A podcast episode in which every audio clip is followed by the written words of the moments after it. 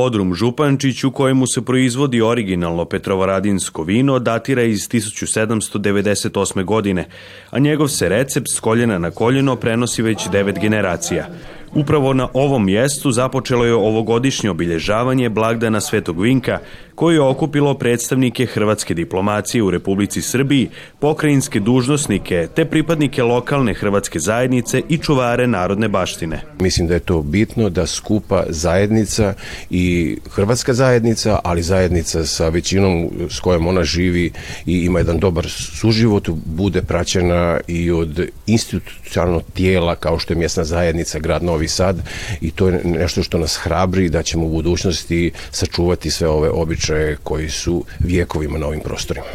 Glavni organizator manifestacije bilo je Hrvatsko kulturno-prosvjetno društvo Jelačić, koji uz svesrdnu potporu mjesne zajednice u Petrovaradinu i institucija grada Novog Sada i ovoga puta uspjelo održati jedan od svojih najvažnijih tradicijskih događaja. Prema nekim uh, saznanjima do kojih smo mi došli, to je i čak i preko 100 godina, pošto imamo i posjedujemo dokument iz arhiva Vojvodine koji o, u kom se nalazi jedna vinska zakletva koji su osmislili naravno na jedan šaljiv način tadašnji vinogradari koji su i naveli svoja imena potpisali se te godine i eto uspeli smo doći do tog dokumenta koji je iz 1891. godine, ako se sada ne varam, ali je svakako jedan od autentičnih dokaza L dužine tradicije koja se sprovodi na ovim prostorima. Blagdanski ugođaj bio je upotpunjen sjećanjima starih petrovaradinaca na ovim povodom nekoć priređivana druženja mještana i njihovih prijatelja. Mi smo to išli u šumu u, u, pored Dunava između Tekija i Dunava gde smo obeležavali to gde smo pekli pravili smo degustaciju vina, svako je doneo svoje vino, svoje vino, belo ili crno, poslagali smo, pravili smo a, degustaciju gde smo izabrali komisiju, komisiju gde smo imali ocene kada je vino, boja vina, miris, ukus i opšti opšti, opšti onaj utisak kako, kako se vino sviđa. I na osnovu toga smo ocenjivali i najboljeg smo proglašavali u belom vinu i crnom vinu, što i danas radimo. Glavni pečat proslavi dao je vjerski obred blagoslova Trsa vinove loze, koji je predvodio velečasni Ivan Rajković u Župančićevom vinogradu na Zanošu, nakon čega su se domaćini i njihovi gosti okupili na prigodnom domjenku. Uvijek prijanjamo, molimo te. Molimo te. Gledate paletu. Izbor iz emisija na jezicima nacionalnih zajednica.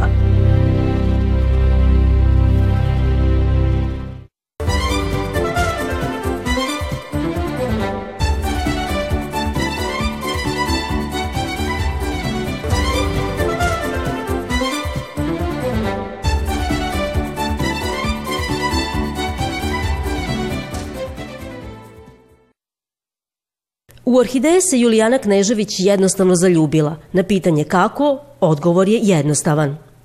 Erik Hansen, e, jedan poznati američki putnik i pisac je rekao e, svega se možete odreći i pića i hrane, ali kad vas jednom zavedu orhideje, e, nikad, nikad više ne možete da se E, da odustanete od njih ili da, da se oprostite od njih. Rezultate ljubavi je knjiga od 1400 stranica, u dva toma posvećena orhidejama. Julijani je trebalo desetke godina da je napiše, a prije toga pročita desetke knjiga na mađarskom, njemačkom, engleskom pa i nekim drugim jezicima. Knjiga je odličan vodič za one koji žele upoznati ove čudesne ljepotice. Sela sam da se odmorim i to je bio pravi odmor kad sam počela da čitam o orhidejama o istoriji orhideja, o, o gajenju, o raznim rodovima koje do sad nisam poznavala. Ima otprilike 25.000 raznih vrsta i 765 rodova. Ja sam sve te rodove opisala i ova knjiga sadrži u prvom delu e, opšte podatke o orhidejama. Orhideje prate i zanimljive priče, ali i one imaju svoje mesto u Julijaninoj knjizi. Jedna od takvih je i priča o orhideji koja raste i cvjeta ispod zemlje, ali nije to jedina zanimljiva priča. Jer u 19. veku e, e, u viktorijansko doba E, ljudi su basnoslovne sume plaćali za e, jednu vrstu ili za jednu biljku i finansirali su lovce, doslovno lovce na orhideje. U knjizi ima i podataka o najmanjoj orhideji koja ima samo nekoliko milimetara, ali onoj najtežoj u povijesti. Pronašla sam podatak da je e, u istoriji najteža orhideja koju su izvadili iz zemlje e, imala 900 e, kilograma. Orhideje su i razlog što je Julijana posjetila mnoge krajeve svijeta, a prije svega one gdje ima najviše orhideja.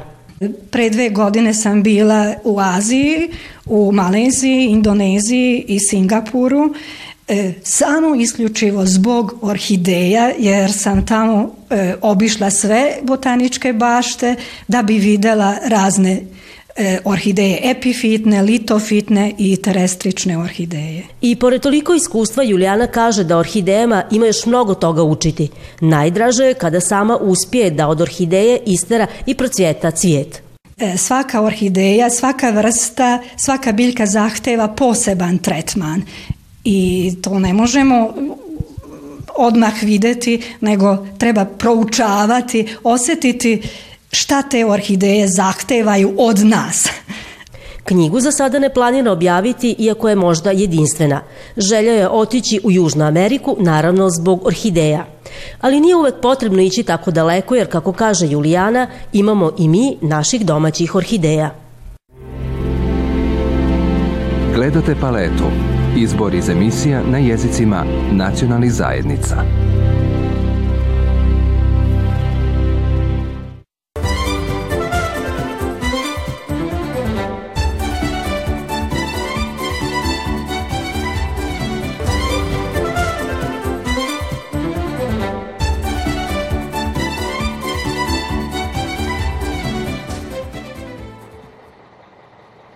Katolička crkva stara je institucija, složenog ustroja, ali voli voditi dijalog i progovarati o aktualnostima suvremenog života. Na tome tragu nastali su razgovori na kojima svećenstvo i vjernici otvaraju različite teme i o njima razmjenjuju mišljenja. Kada je u tijeku sinoda, e, koji je baš nagovorio sinodalnosti, da su svi, e, nekako svi imaju pravo glasa, svi imaju dakle, pravo na svoje mišljenje i iznijeti nešto konstruktivno. E, jedni drugi trebamo slušati i razgovarati, znači bez toga nekoga napretka nema, tako da crkva uvijek bila za dijalog i za razgovore. Ovogodišnji razgovori su 30. sada po redu znači od 90. godine se održavaju u siječnju svake godine. Obično bude neka aktualna tema, da kažemo trenutno koja je aktualna. Ovoga puta malo nekako odskačemo od toga. Govorit ćemo o biskupu e, Lajču Budanoviću i o njegovoj crkvenoj i društveno-kulturnoj djelatnosti. On je bio svakako nastavljač ideje i onoga što je započeo biskup Ivan Antunović, a ipak o biskupu Budanoviću se ne zna puno, nije to tako daleka prošlost. U tu ne tako daleku prošlost, okupljene na ovogodišnjim razgovorima u pastoralnom centru Augustinijanum, je subotički povjesničar Vladimir Nimčević. Biskup Lajčo Budanović, znamenita ličnost Hrvata katolika na prostoru današnje Bačke, u kojoj je djelovao prije i poslije drugog svjetskog rata, i uvažava ga se kao utemeljitelja Subotičke biskupije. Dakle, on se nije ograničio samo na crkvenu djelatnost, zato je ovo predavanje nosi naslov crkvena, ali i kulturno-društvena djelatnost, jer to je bilo osto i vozinka njegova rada, znači ne samo crkva, nego i, i puk.